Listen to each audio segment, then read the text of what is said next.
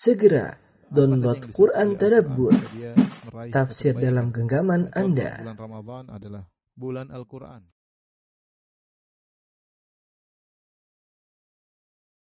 Bismillahirrahmanirrahim. Assalamualaikum warahmatullahi wabarakatuh. Alhamdulillahi ala ihsani wa syukru lahu ala taufiqihi wa amtinani wa asyhadu an la ilaha illallah wahdahu la syarika lahu ta'ziman li sya'ni wa asyhadu anna Muhammadan abduhu wa rasuluhu da'ila ridwani. Allahumma salli alaihi wa ala alihi wa ashabihi wa ikhwani. Para pemirsa rojak di mana pun anda berada, ikhwan akhwat yang dirahmati Allah subhanahu wa ta'ala, kita melanjutkan bahasan kita dari tafsir surat Yasin. Ini sampai pada ayat yang eh, berikutnya, ayat ke-12 ya. Allah Subhanahu wa taala eh, berfirman, "Inna nahnu nuhyil mauta wa naktubu ma qaddamu wa atharahum wa kulla syai'in ahsaynahu fi imamin mubin." Kata Allah Subhanahu wa taala, sungguhnya kamilah yang menghidupkan orang-orang yang mati wa naktubu ma qaddamu wa atharahum ya. Eh, dan kami yang mencatat kami yang mencatat bekas-bekas yang mereka yang mereka kerjakan dan bekas-bekas yang mereka tinggalkan wa kulla syai'in ahsaynahu fi imamin mubin dan segala sesuatu kami kumpulkan dalam kitab induk yang eh, nyata ya. Allah Subhanahu wa taala berfirman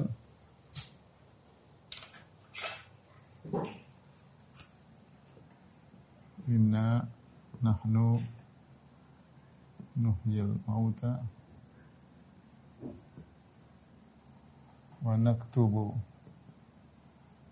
qaddamu wa atharahum wa kulla syai'in ahsaynahu fi imamin mubin.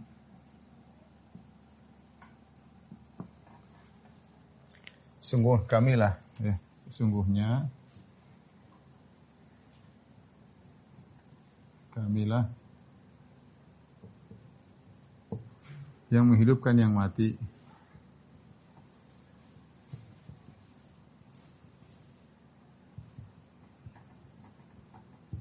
Wa naktu ma dan kami yang menulis. Dan kami yang mencatat ya. Apa yang mereka kerjakan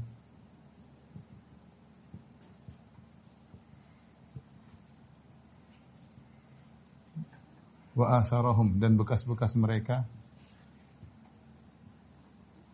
Bekas-bekas kaki mereka. Wa kulla syai'in ahsaynahu fi imamin mubin. Dan segala sesuatu. Segala sesuatu kami kumpulkan dalam kitab yang nyata ya. Dalam kitab yang nyata. Taib ini ayat ke-12 ya. Allah Subhanahu wa taala setelah menyebutkan tentang perumpamaan orang-orang yang tidak beriman bahwasanya mereka seperti ada aglal fi anakihim ya sehingga mereka tidak bisa melihat kebenaran Ja'alna bainahum min baini aydihim sadda wa min khalfihim saddan di depan ada penutup belakang penutup ya. Intinya mereka tidak akan beriman maka setelah itu uh, Allah mengatakan juga innama tunziru man ittaba'a dzikra sungguhnya yang mendapat peringatan adalah orang yang mengikuti Al-Qur'an ya wa khasyar rahmana bil ghaib dan takut kepada Allah Subhanahu wa taala. Allah sebutkan dua model dua model manusia Ya sebelumnya Allah sebutkan dua model manusia yang beriman dan yang tidak beriman. Ya. Sebelumnya Allah sebutkan dua model manusia yaitu yang beriman dan tidak beriman. Dan tidak beriman. Nah, bagaimana mereka setelah ini? Mereka ini nanti akan dibangkitkan. Nasib mereka, mereka akan dibangkitkan. Dua-duanya akan di akan dibangkitkan. Dibangkitkan.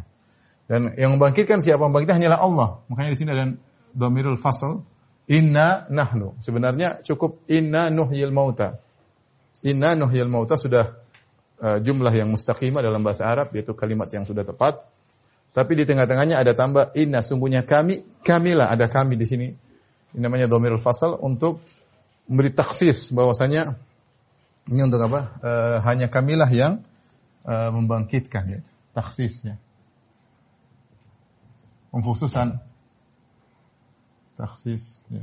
Jadi hanya Allah yang bisa membangkitkan, tidak selain Allah Subhanahu wa taala yang bisa membangkitkan. Ini sekaligus uh, dua tujuan Allah ingin menjelaskan bahwasanya dua model manusia tersebut akan dibangkitkan. Yang kedua juga untuk membantah orang-orang musyrikin Arab yang mereka mengingkari adanya hari kebangkitan. In hiya illa hayatuna dunya namutu wa nahya wa man hadu Ini hanyalah kehidupan dunia, kami hidup, kami mati. Lihat, ada orang meninggal, nanti ada yang baru lahir lagi. Demikian kehidupan dunia. Wa ma nahnu bima dan kami tidak akan dibangkitkan. Maka Allah jelaskan, nahnu nuhyil mauta. Kami akan bangkitkan Semuanya yang beriman tidak beriman akan bangkitan. Ada hari namanya hari pembalasan. Oleh karena surat Yasin nanti juga fokus tentang membantah orang-orang yang mengingkari hari kebangkitan terutama di akhir dari surat Yasin. Insya Allah akan sampai mudah-mudahan Allah mudahkan kita. Ya. Uh, Inna nahnu nuhyil mauta. Kami yang menghidupkan uh, mati, orang-orang yang mati. Di sini umum ya. Mencakup umum, mencakup seluruh yang mati. Umum.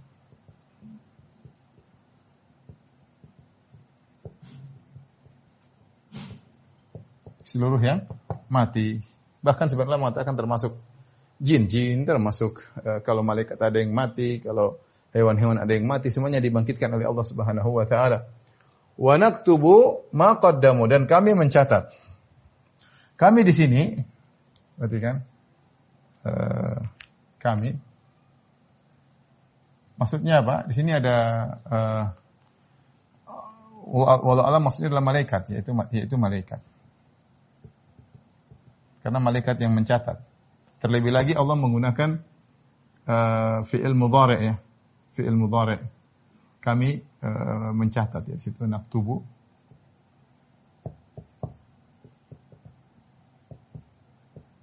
Yang menunjukkan uh, sedang ya. Kami mencatat ma qaddamu apa yang sedang uh, apa yang telah mereka kerjakan yaitu malaikat dan ini banyak dalam Al-Qur'an ya wa inna alaikum lahafizin kiraman katibin ya'lamuna ma taf'alun. Ada kiraman malaikat-malaikat yang mulia katibin yang mencatat. Ya. Am tahsabuna anna la nasma'u sirrahum wa najwahum bala wa rasuluna wa rusuluna ladaihim yaktubun ya bahwasanya uh, malaikat-malaikat kami uh, mencatat ya. Wa rusuluna ladaihim yaktubun ya dalam banyak ayat Allah menyebutkan bahwasanya malaikat yang yang uh, mencatat ya ma yalfidhu min qawlin dari raqibun atid. Ya, malaikat mencatat setiap perkataan yang terucapkan. Jadi malaikat mencatat semuanya termasuk apa yang dikerjakan dan bekas-bekas kaki mereka. Nah, uh, ada khilaf di kalangan para ulama tentang makna ma qaddamu wa atharahum ya. Apa makna ma qaddamu wa atharahum ya? Ada beberapa pendapat ya. Beberapa pendapat di kalangan ulama ada yang mengatakan ya, uh, tapi ini sebenarnya kebanyakan adalah uh, khilaf uh, tanawu, ya, kebanyakannya khilaf tanawu. Ya. Uh, ada yang mengatakan maqaddamu wa atharahu maksudnya adalah qaddamu yaitu kebaikan, atharu maksudnya keburukan. Ya misalnya pendapat yang mengatakan maqaddamu ya maksudnya kebaikan, atharahum maksudnya keburukan. Ada yang mengatakan dapat kedua ma qaddamu maksudnya adalah semasa hidup. Kemudian asa wa atharahum atharahum maksudnya setelah meninggal wafat. Ada yang mengatakan ma qaddamu wa atharahum maksudnya uh, adalah uh, amal yang dikerjakan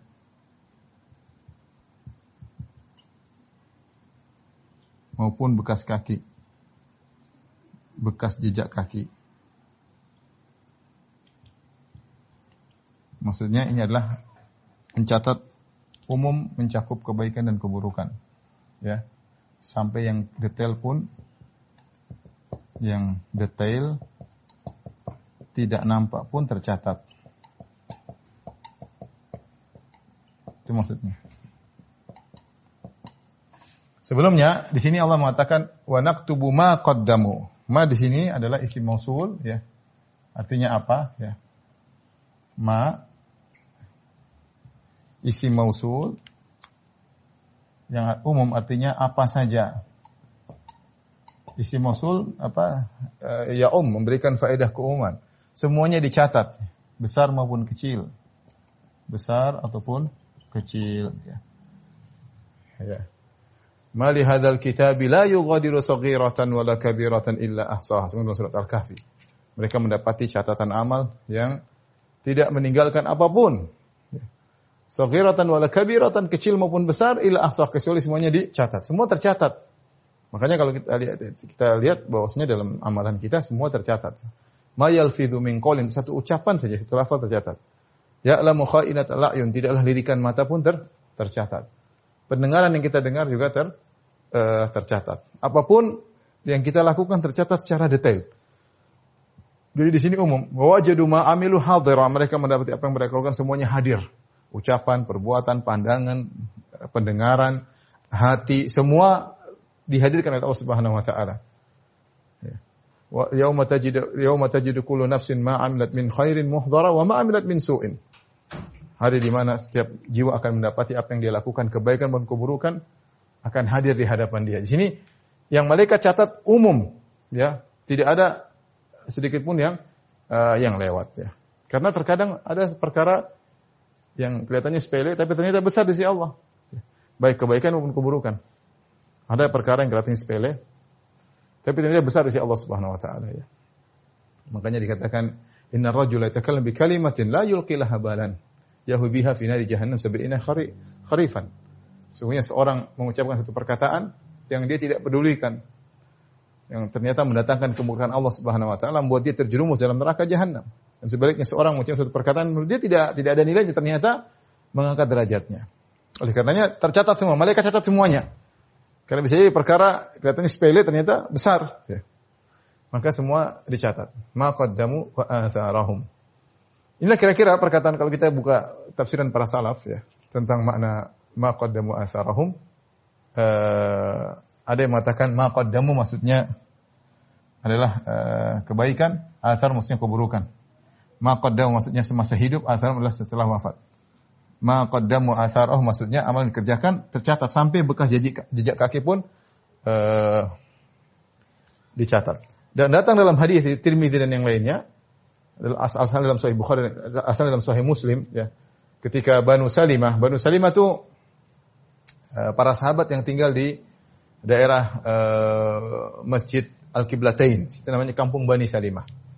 Ya, sebagian mereka itu kan jauh dari Masjid Nabawi, entah berapa kilo ya mungkin 5 kilo kayak atau agak jauh lumayan jauh ya. Kemudian mereka ingin pindah rumah, ingin pindah rumah supaya dekat dengan Masjid Nabawi supaya mereka bisa sholat bersama Nabi Shallallahu Alaihi Wasallam. Ya. Maka Nabi SAW mengatakan kepada Bani Salimah, Ya Bani Salimah, dia rakum tuktab ya, atharukum. Kata Nabi SAW, Wahai Bani Salimah, tetaplah kalian di rumah kalian. Akan dicatat jejak kaki kalian. Athar dalam bahasa Arab ini jejak kaki. Bukan langkah khutwah ya. Ada yang menafsirkan athar di sini khutwah, langkah kaki. Namun sebagian ulama seperti Umar bin Abdul Aziz uh, rahimahullahu taala uh, menafsirkan bahwasanya asar adalah uh, bekas jejak kaki dan itu diriwayatkan dari uh, para salaf ya. Di antaranya dari Umar bin Abdul Aziz dan juga dari kota kota bin Am As-Sadusi. Kota bin Am As-Sadusi keduanya menafsirkan asar di sini dengan zahirnya. Asar uh, adalah bekas jejak kaki. Kalau kita berjalan kita berjalan kan ada bekas. Bekas tersebut kalau di padang pasir akan kelihatan. Namanya asar. Di padang pasir ada langkah kaki kita. Tetapi asar tersebut cepat hilang. Kenapa? Ditiup angin. Sehingga hilang bekasnya. Hilang bekasnya. Nah, kalau kita jalan di jalan di tanah air kita ya tidak ada bekasnya. Kecuali di pecek. Kalau jalan biasa nggak ada bekasnya. Tapi itu ada sebenarnya. Meskipun tidak tidak nampak oleh kita. Dan mudah sekali ditiup angin. Ya. Tetapi itu dicatat oleh Allah Subhanahu Wa Taala. Makanya Umar bin Aziz mengatakan, Ya, lau kana Allah tarikan li ibni Adam syai'an la taraka ma afat alaihi riyahu min atharihi. Kalau seandainya Allah meninggalkan pencatatan sedikit pun, Allah akan tinggalkan bekas jejak kaki. Tapi Allah tidak tinggalkan, Allah catat kata Allah. Wa naktubu ma qaddamu atharahum. Jangankan langkah kakinya, khotowat khotowatnya bukan. Bahkan bekas bekas pijakannya yang sudah tertiup angin kata Umar bin Aziz dan juga kata Qatadah bin Di'am As-Sadusi rahimahumullah bahwasanya itu pun dicatat oleh Allah Subhanahu wa taala. Nah, kalau bekas kaki ini yang merupakan langkah kaki menuju kebaikan atau menuju keburukan dicatat oleh Allah, bagaimana dengan yang lainnya? Bagaimana ucapan? Bagaimana dengan torehan tangan? Bagaimana ketikan? Bagaimana komentar? Dicatat yang jelas-jelas kelihatan. Wong asar saja ditiup oleh angin sudah hilang, masih tercatat. Makanya kalau kita bikin status-status, kita sudah hapus, sudah delete, tetap aja masih tercatat. Terlanjur, tercatat. Tercatat mau diapain? Sama bekas langkah kaki, kita sudah langkah ketiup angin masih tercatat kata Umar bin Aziz dan Qatar bin Ahmad Sadusi rahimahumullah taala. Oleh karenanya uh, ini menunjukkan bahwasanya semua tercatat. Makanya ma tadi saya katakan ma di sini ma al-mausulah mencatat semuanya bahkan bekas langkah kaki yang sudah terhapus jejaknya masih uh, tercatat ya. Baik kebaikan maupun keburukan. Ini mencakup kebaikan maupun keburukan ya. Uh, dua pendapat ini ya. Kalau kelihatan umum ya mencakup kebaikan dan keburukan. Dan ini namanya uh, khilaf tanawu, uh, beda pengungkapan saja. Yang saya ingin uh, yang saya ingin sampaikan juga di masalah tafsir yang kedua ini ya. Ma qaddamu yaitu amalan ketika masih hidup wa atharum setelah wafat. Setelah wafat. Ini juga salah satu tafsir. Man sana sunnatan hasanatan ya. Barang saya melakukan suatu contoh yang baik ya falahu ajruha wa ajru man uh, tabi'aha ila yaumil qiyamah. Barang siapa membuat satu contoh yang baik diikuti oleh orang maka bagi dia pahalanya dan pahala orang yang mengikutinya sampai hari kiamat tanpa mengurangi pahala orang yang mengikutinya sama sama sekali. Itu di antara asar. Asar banyak. Oleh karenanya uh, seorang harus sadar bahwasanya yang dicatat bukan begitu dia meninggal selesai pencatatan. Enggak. Begitu dia meninggal masih ada pencatatan selanjutnya. Yang selanjutnya apa? Asar dari kehidupan dia selama dia hidup. Kalau ada dampak setelah itu, itu pun dicatat. Jadi asar di sini maknanya dampak dari kehidupan dia. Setelah dia meninggal, adakah dampak dari setelah dalam kehidupannya selama ini dia jalani 40 tahun, 50 tahun, 60 tahun? Adakah dampaknya? Dampaknya itu dicatat oleh malaikat. Bukan cuma selama dia, bukan berarti kalau dia meninggal selesai, catatan ditutup. Enggak. Enggak. Masih dilanjutkan. Kecuali enggak ada dampak sama sekali. Kalau dampaknya, masih dilanjutkan masih dilanjutkan. Allah musta'an. Oleh karena seorang waspada, ya, hendaknya dia memberikan asar dampak kebaikan setelah dia meninggal dunia. Jangan sampai setelah dia meninggal ternyata yang ada dampak keburukan. Makanya asar di sini termasuk uh, apa namanya amalan jariah seperti sabda Nabi wasallam, "Idza matal insan in anhu amaluhu illa min thalath." jika salah seorang anak Adam meninggal dunia, maka terputus amalannya kecuali dari tiga perkara. Sedekah jariah. Sedekah jariah terus dicatat. Yang kedua, eh, ilmu yang tafawil, ilmu yang bermanfaat. Dia dakwah, dia menyebarkan buku-buku islami dan yang lainnya. Dicatat. Meskipun dia sudah meninggal. Walan salih yadu'ulahu. Anak soleh yang mendoakannya. Anak soleh mendoakannya. Meskipun dia sudah meninggal, tetap terus di, dicatat oleh Allah subhanahu wa ta'ala. Maka seorang berusaha mendapatkan umur kedua, kata istilah para ulama. Al-umur thani, umur kedua kita hidup mungkin gak lama, 50, kalau sampai 50 tahun, belum tuh sampai. 40, 50, 60, apalagi musim penyakit seperti ini, kita nggak tahu umur kita sampai kapan. Sahabat yang tiba-tiba meninggal tanpa diduga sama sama sekali ya.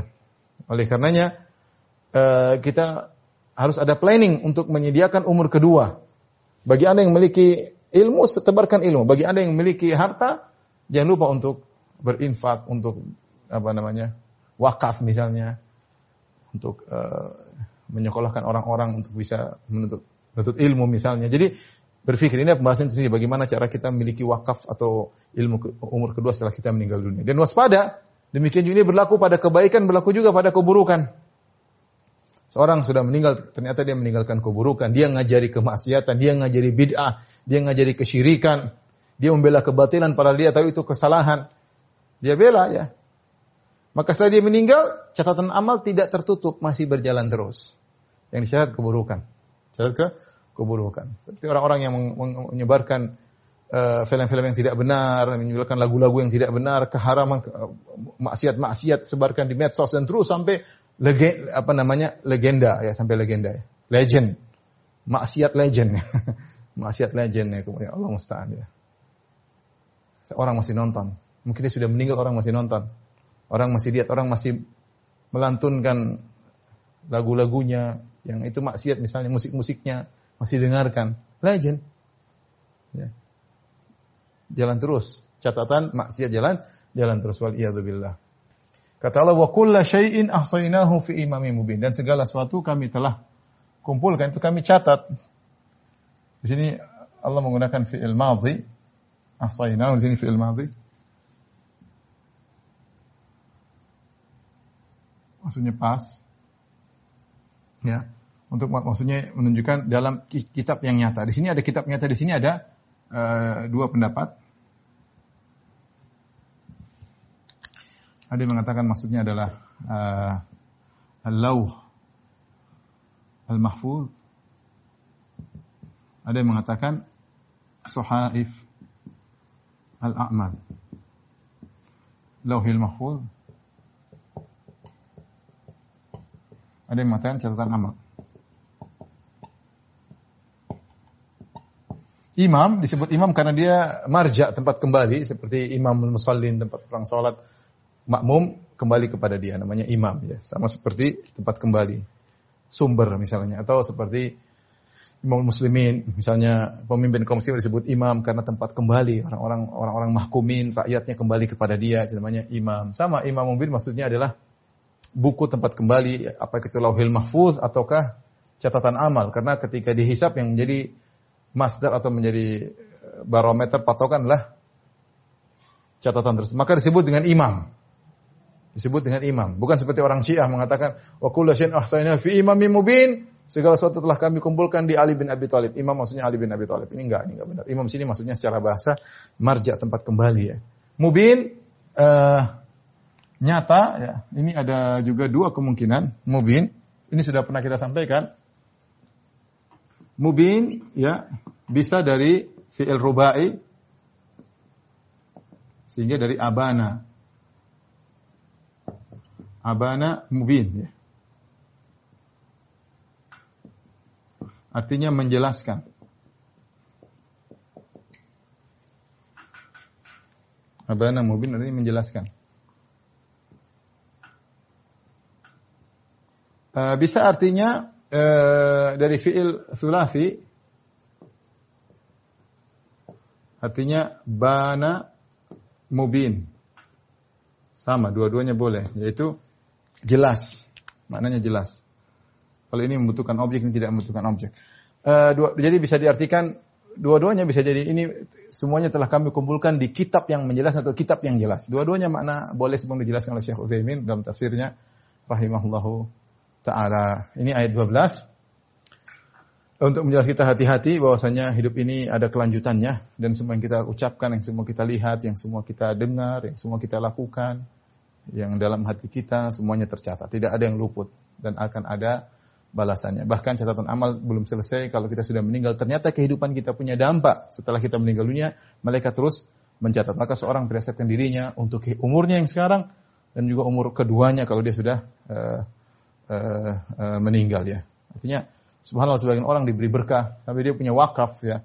Sampai dia sudah meninggal tahun lalu masih ada ya.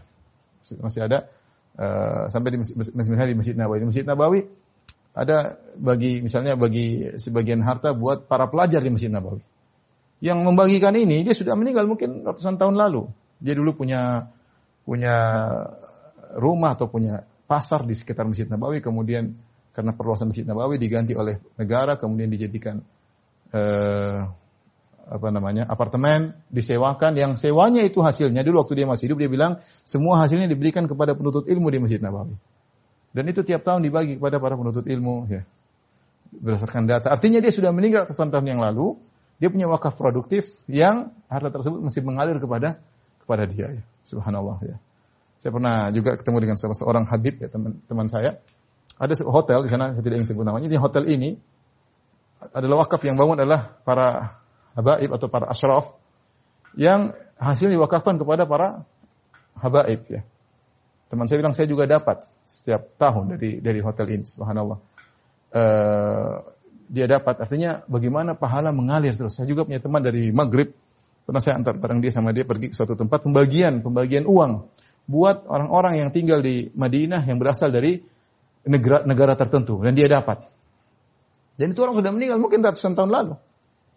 Tapi sama dia punya wakaf produktif yang orang masih merasakan apa namanya manfaat dari dari apa yang dia uh, sumbangkan ya. Jadi subhanallah catatan amal masih terus mengalir meskipun orang yang sudah meninggal meninggalnya. Seorang cerdas kita hidup cuma sekali, kita cuma sekali maka seorang melakukan uh, semaksimal mungkin apa yang bisa dilakukan untuk kehidupannya di dunia dan kehidupannya setelah dia meninggal meninggal dunia. Dia punya ilmu sebarkan ilmu. Ilmu yang benar tapi jangan ilmu yang ngawur ya.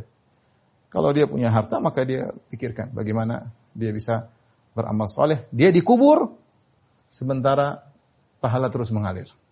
Bukan sebaliknya, dia di dalam kubur, dia sudah tidak bisa beramal, tidak bisa beramal, tidak bisa beraktivitas, sementara dosa-dosa terus mengalir. Waliyahzubillah ya.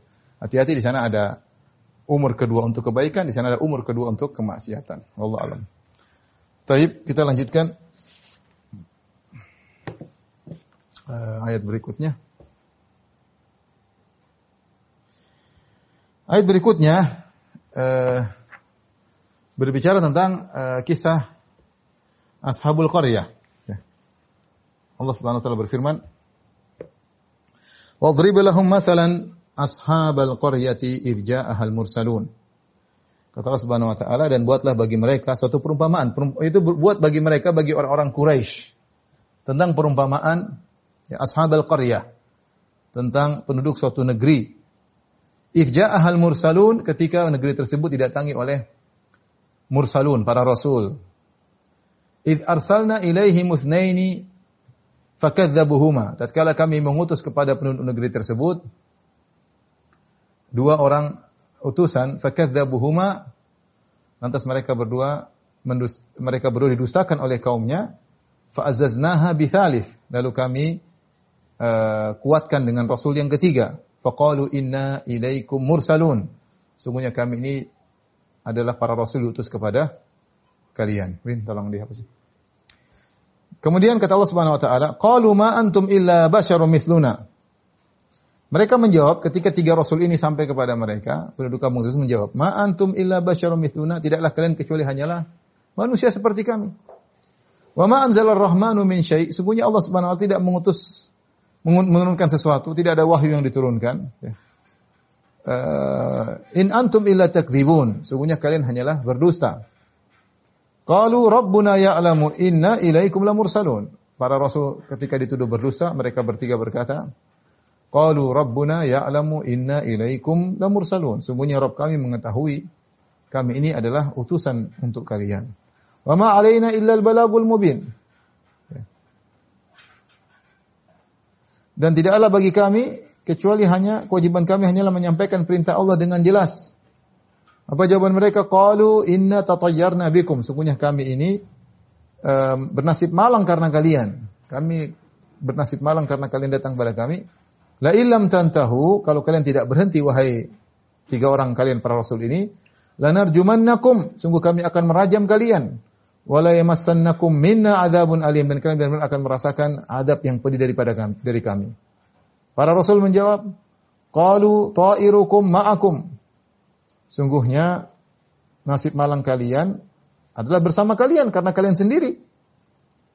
In dzukirtum apakah kalian uh, apakah kalian jika diberi peringatan kalian mengancam kami ya bal antum qaumum musrifun. Sebenarnya kalian adalah kaum yang melampaui batas. Ini maksud dari cerita ini Ashabul Qaryah. Allah menyuruh Nabi SAW memberi, memberi perumpamaan kepada orang Quraisy karena mereka disampaikan ini kan kita bilang surat Yasin surat Makkiyah yang turun kepada Nabi SAW ketika Nabi masih di Mekah. Nabi disuruh menyampaikan kepada kepada orang Quraisy tentang perumpamaan ini. Ada perumpamaan suatu negeri yang diutus oleh oleh Allah SWT diutus Rasul kepada mereka. Kemudian uh, negeri ini kemudian akhirnya mendustakan para Rasul tersebut uh, dengan syubhat-syubhat yang sama sebagaimana syubhat-syubhatnya orang Quraisy. Ya. akhirnya Allah mengirimkan azab kepada kepada mereka. Allah mengirimkan azab kepada penduduk negeri tersebut karena mereka mendustakan para rasul yang Allah utus ya. Agar orang-orang Quraisy menjadi mengambil pelajaran dari kisah Ashabul Qaryah ini. Taib. Uh, siapa mereka ini tiga rasul ini ya. Kemudian uh, di mana negeri tersebut ya.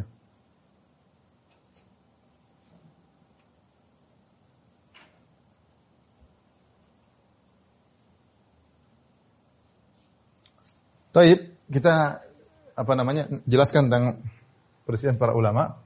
Jadi kata Allah Subhanahu wa taala, "Wadrib lahum مثلا أصحاب القرية. إذ جاءها المرسلون. إذ أرسلنا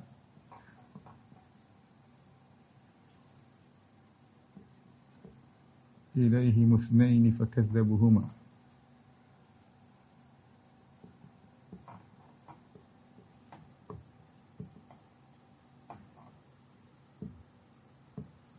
fa'azazna بثالث وقالوا إنا إليكم مرسلون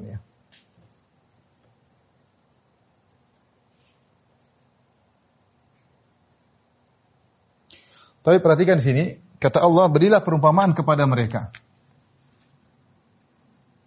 Berilah kepada mereka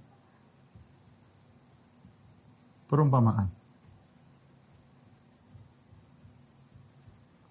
Uh, tentang ashab al-qaryah, tentang penghuni suatu negeri.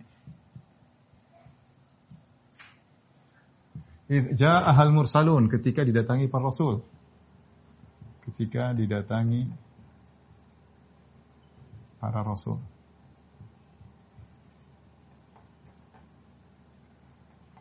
Iz arsalna ilaihi musnaini tatkala kami utus kepada mereka dua rasul. Fakadzabuhuma namun mereka mendustakan namun mereka mendustakan, maka mereka pun mendustakan dua rasul tersebut. Fa'azzazna bithalith, kami kuatkan, maka kami kuatkan dengan yang ketiga. Maka kuatkan dua rasul tersebut dengan rasul yang ketiga. Waqalu inna ilaikum mursalun. Dan mereka berkata sungguhnya kami diutus kepada kalian. Taib, kita kembali. Berilah yaitu perintah kepada Nabi SAW yaitu wahai Nabi.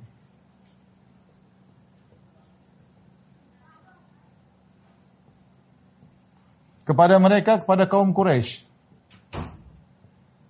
yang membangkang karena ayat surat Yasin Makkiyah.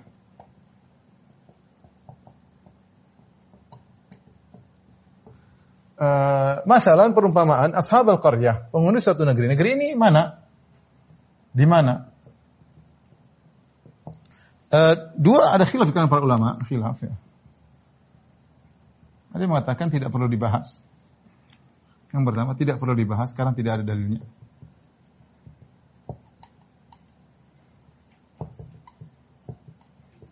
Tidak ada dalilnya. Ini metode disering ditempuh oleh Ibnu Katsir rahimahullah taala. Kalau enggak ada ngapain dibahas ya? Dalilnya kalau ada ya kalau enggak enggak ada. Dia ada dalam Al-Qur'an tidak disebutkan dalam hadis yang sahih pun tidak ada. Ini pendapat pertama. Pendapat kedua, mayoritas ulama ulama mengatakan adalah Antokiyah ya. Apa bahasa Inggrisnya? Antioquia ya. Di Turki. Antakya ya. Uh, di Turki yang uh, itu daerah ya di sana. Kebanyakan ulama mengatakan ini adalah Antakya ya. Negeri ini ya. Irja ahal mursalun. Para rasul di sini ada juga ada khilaf di kalangan ulama. Rasul. Khilaf. Dua pendapat. Dua pendapat. Dan ini khilafnya tadad. Khilaf tadad di khilaf yang kontradiktif. Kita perlu merojihkan. Ya, eh, yang pertama mengatakan para Hawariyun. yaitu para utusan utusan-utusan atau murid-murid Nabi Isa alaihissalam. Ya. Yang kedua adalah para rasul, para utusan dari Allah. Rasul dari Allah. Uh, yang mengatakan mereka adalah para hawariyun, sebagian uh, salaf seperti uh, Shu'aib al-Jabai, ya. sebagian diriwayatkan dari uh, Ibnu Jurayj, kemudian dari Wahab bin Sulaiman, dari Shu'aib al-Jabai, ya. dia mengatakan ini dari kota ada juga, dia mengatakan bahwasanya dua orang diutus ke Antokiyah, dua murid atau dua utusan Nabi Isa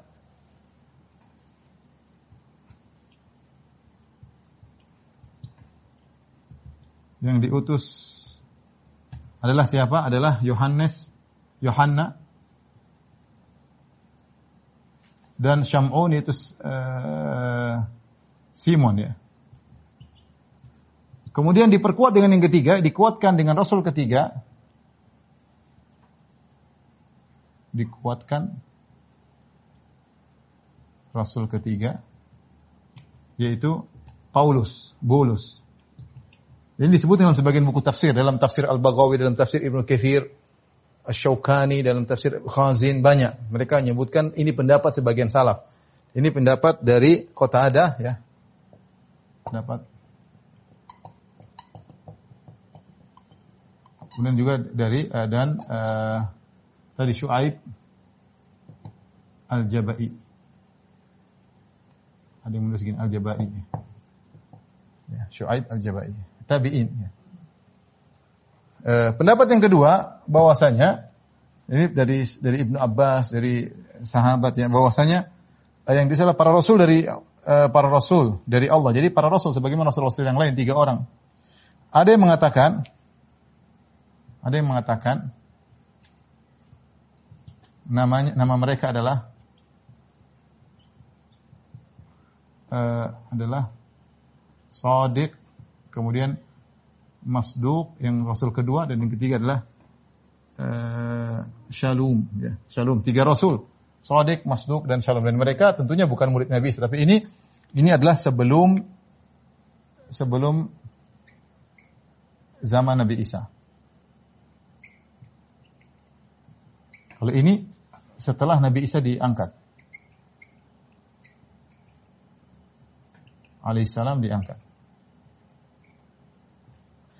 Ini dua pendapat. Mana pendapat yang lebih kuat dari dua pendapat ini? Ingat khilafnya sini khilaf tadad. Satu mengatakan para rasul utusan Allah, satu mengatakan para rasul utusan Nabi Isa alaihissalam. Kotanya kota Antokiyah ya. Uh, yang jadi masalah kita dapati sebagian orang-orang Nasara mereka berdalil kata mereka lihat Paulus diakui dalam tafsir Ibnu Katsir disebut Bulus ada Paulus disebut juga dalam tafsir Al-Baghawi disebut dalam tafsir Khazin dalam tafsir Syaukani dalam tafsir banyak bahwasanya uh, Islam mengakui tentang kerasulan Paulus bahwasanya Paulus diutus oleh Nabi Isa alaihissalam ya. Namun kita bilang pendapat yang lebih kuat adalah pendapat yang ini. Nanti kita jelaskan insyaallah taala. Ini pendapat yang kuat ya. Ini yang lebih kuat. Kenapa nanti jelaskan? Ini yang lebih kuat. Berdasarkan konteks uh, ayat. Pertama, kita bilang adapun yang ini uh, kalau kita lihat ya, semua bermuara kepada uh, Syuaib al-Jabai ya. Syuaib al-Jabai ya eh, bukan kota ada mohon maaf ya, pendapat Syuaib Al-Jabai ya. Syuaib Al-Jabai namanya uh, Syuaib bin Al-Aswad Al-Jabai. Kalau kita baca biografinya sebagaimana disebutkan oleh uh, Az-Zahabi dalam Mizanul I'tidal kemudian diikuti oleh Ibnu Hajar dalam Lisanul Mizan uh, bahwasanya Syuaib Al-Jabai ini dia adalah ikhbari matruk secara secara apa namanya? secara predikatnya dalam ilmu hadis adalah matruk ditinggalkan ditinggalkan. Bahkan Az-Zahabi menyebutkan riwayat yang dia sebutkan aneh. Matruk itu hampir mendekati kadzab ya. Ditinggalkan karena apa namanya ditinggal oleh para, para ahli hadisnya hadisnya sangat dhaif jiddan. Sangat uh, lemah ya. Ya Eh, apalagi disebutkan di antara biografinya karena yaqra'ul kutub. Dalam biografinya disebutkan dia membaca buku-buku Israiliyat, buku-buku yang disebahkan kepada ahlul kitab. Sehingga bisa jadi dia mengambil tafsiran dari ahlul kitab.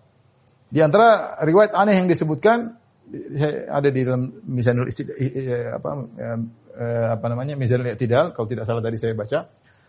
Bagaimana disebutkan riwayat dari Nabi Nuh alaihissalam bahwasanya Nabi Nuh tentunya Israiliyat disebutkan Nabi Nuh ketika kapalnya bersandar enam bulan, kemudian setelah itu kapal Nabi Nuh mengajak Nabi Nuh untuk tawaf di Ka'bah, kapalnya ngajak Nabi Nuh, kapalnya tawaf di Ka'bah dan macam-macam lah aneh-aneh ya. Eh, nanti mungkin kalau ada waktu saya bacakan. Tapi intinya sehingga mereka menghukumi dia adalah rawi yang matruk yang tinggal. Ini bukan pendapat Nabi tentunya, ini tafsir bukan dari para sahabat. Dan ini seorang tabi'in yang status kredibilitasnya dalam ilmu hadis dia matrukul hadis, ditinggalkan. Dia tinggalkan dan kemungkinan besar dia ngambil dari Israiliyat. Ya. Adapun penilaian kaum Nasrani dengan kisah ini, penyebutan Paulus, kita se- sebutkan ternyata dalam perjanjian baru disebutkan ya. Siapa perjanjian baru? Karena mereka berusaha melegalkan. Pertama kita kali ini bukan perkataan Nabi SAW. Ini bukan perkataan sahabat. Ini seorang tabi namanya Shu'aib bil Aswad al-Jabai al-Yamani al-Janadi dan dia adalah seorang yang matruk. Ya. Kemudian tidak cocok dengan kisah ini. Kalau kisah ini kan dua rasul datang, kemudian datang rasul ketiga, kemudian ketiga-tiganya didustakan, kemudian datang seorang lelaki yang memberi peringatan kepada kaumnya, ternyata mereka tidak iman, kemudian Allah hancurkan mereka. Kalau Antokia tidak dihancurkan dan kita bisa lihat dalam eh, apa namanya? perjanjian baru kisah para rasul yang bagian 11 tentang kisah Antokia ya. Antioquia, Antioquia ya. Barnabas dan Saulus ke Antioquia. Jadi yang datang ke ke Antioquia cuma dua orang, Barnabas dan Saulus. Barnabas pertama datang, kemudian setelah itu Barnabas eh, minta bantuan Saulus, itu Saulus maksudnya Paulus. Sehingga dua orang inilah yang berdakwah di Antioquia dan mereka beriman kepada Barnabas dan Antioquia. Sehingga mereka disebut dengan eh, di Antioquia lah murid-murid itu untuk pertama kali disebut dengan Kristen. Ya, tersebut disebut dengan Kristen. Jadi kalau kita baca dalam saya baca kisah para rasul eh, nomor 11 ya ayat 19 sampai ayat 20 sampai ayat 30. Dari ayat 19 sampai 30 bercerita tentang kisah perjalanan murid-murid eh, Nabi Isa itu Barnabas, muridnya Nabi Isa alaihissalam yang berdakwah di Antioquia, kemudian dia minta Paulus membantunya. Paulus bukan muridnya Nabi Isa. Kemudian ternyata mereka berdakwah di Antioquia, kemudian mereka beriman. Jadilah mereka Kristen warga negara Antioquia. Ini tidak cocok dengan kisah surat dalam surat Yasin. Kenapa? Karena dalam kisah surat dalam surat Yasin ini mereka ini kafir dan mereka diadab oleh Allah Subhanahu wa taala. Lagi pula yang datang dalam berita Antioquia cuma dua orang, Paulus dan Barnabas. Adapun eh, lain juga dengan perkataan Sy- Syuaib al-Jabai, Yohanes dan Simon ditambah dengan Paulus ini semua tidak pas, tidak pas. Bukan tiga rasul itu yang dalam dalam perjanjian baru cuma dua rasul. Adapun Allah menyebutkan tiga rasul. Dan yang benar bahwasanya rasul di sini bukan utusan Nabi Isa dan ini dirajihkan oleh para ulama ya. Ibnu Katsir rahimahullah taala sebelumnya Syekhul Islam Ibnu Taimiyah dalam kitabnya eh, apa namanya Al-Jawab Sahih liman badala eh, din al-Masih ya, eh, jilid kedua dia sebutkan tentang hal ini eh, baga- bagaimana bahwasanya yang dimaksud adalah bukan Rasul-Rasul Nabi Isa, tapi Rasul-Rasul Allah Subhanahu Wa Taala. Ayatnya jelas, "Idja'ahal mursalun," ketika datang para Rasul. "Id arsalna ilaihim," kami utus. Allah langsung yang mengutus, bukan Nabi Isa. Fakadzabuhum fa'azzazna bi thalith. Lantas kami kuatkan dengan yang ketiga. Ya. Faqalu inna ilaikum mursalun. Mereka berkata, kamilah diutus oleh Allah kepada kepada kalian. Kemudian kita lanjutkan, apa kata mereka? Qalu ma antum illa basyarum. Ketika mereka mengatakan kami diutus oleh Allah, lantas penduduk negeri tersebut mengatakan, kami kalian tidak lain hanyalah manusia seperti kami ya. Dan ini hanya ungkapan untuk para rasul. Kalau utusan ya orang ngerti, ya sahabat ya kalau utusan Nabi Isa sahabat ya tidak perlu diingkari memang harus manusia. Tetapi terjadi kenapa pengingkaran mereka mengatakan kalian tidak pantas jadi rasul karena kalian manusia seperti kami? Artinya apa kalian tidak pantas menjadi utusan Allah? Ataupun kalau utusan Nabi ya tidak ada yang mengingkari manusia wajar saja. Saya ulangi sisi pendalilannya. Jadi penduduk negeri tersebut berkata apa? Ketika mereka mengingkari para rasul, mereka berkata, "Ma antum ila basyarum mithlan." Kalian adalah manusia seperti kami. Ngapain kami beriman? Ini perkataan ini tidak ditujukan kecuali untuk mengingkari rasul yang diutus oleh Tuhan, bukan rasul diutus oleh eh, utusan nabi yang lain ya. Jadi sehingga ini menunjukkan bahwasanya yang diutus oleh Allah bukan ayat ini maksudnya berkaitan dengan utusan Allah, bukan utusannya Nabi Isa. Wa ma anzala rahmanu min syai'in dan mereka berkata eh, tidak ada Ar-Rahman menurunkan sesuatu pun. In antum illa takdzibun. Ini juga dalil bosnya Ashabul Qaryah ini beriman kepada Allah, hanya saja mereka tidak beriman kepada kerasulan. Allah tidak pernah mengutus wahyu, memberikan wahyu kepada kalian. Ya, Ar-Rahman ada, tapi Allah tidak pernah memberikan wahyu kepada in antum illa takdzibun kalian hanya pen, pendusta. Qalu rabbuna ya'lamu, mereka didustakan tiga orang ini. Qalu rabbuna ya'lamu inna ilaikum lamursalun. Mereka bertiga berkata, Rabb kami tahu, meskipun kalian dustakan kami, sungguhnya kami benar-benar diutus kepada kalian.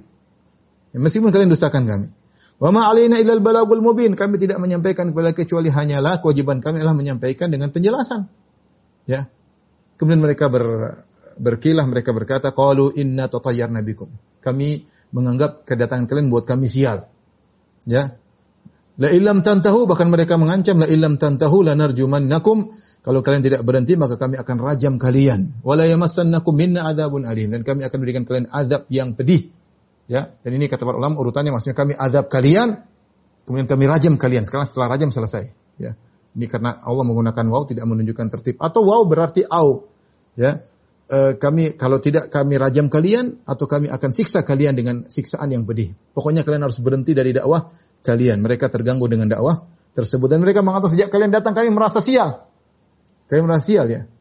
Ya mungkin mereka tidak memenuhi dakwah para rasul tersebut akhirnya Allah memberikan mereka hukuman-hukuman sakit atau yang lainnya atau bencana sehingga kalian bikin kesialan. Ini dikatakan oleh para eh, umat-umat uh, yang lain ya seperti perkataan kaum Nabi Musa Inna tatayyarna bikum wa ma'akum. Ya kami merasa sial dengan kehadiran kalian wahai Musa. Berkata kaum soleh kepada Nabi soleh kalian juga wahai soleh kalian mendatangkan kesialan bagi kami. Sama. Mereka ashabul Qaryah juga mengatakan wahai para rasul tiga orang kalian bikin sial kami. Gara-gara kalian datang akhirnya kami sekarang dapat bencana dan bencana dan bencana. Kalian berhenti dakwah. Kalau enggak berhenti kami akan rajam atau kalian kami akan sisa kalian dengan siksaan yang pedih.